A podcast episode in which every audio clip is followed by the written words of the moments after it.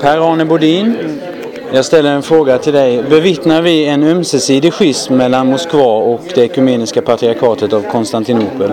Ja, det är en schism eh, för närvarande och det, den kommer nog ta lång tid eh, innan den utreds och den är, den är bilagd.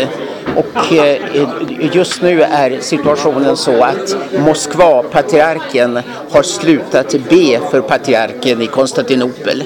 Men det är inte vice versa. Patriarken i Konstantinopel ber för patriarken i Moskva. Just det.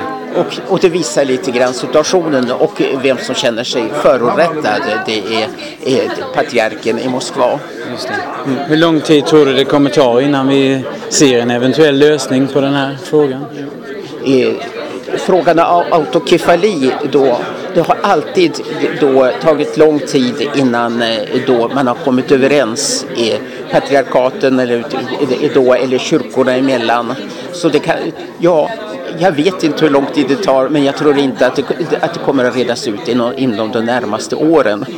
Då tackar jag dig Per-Arne Bodin.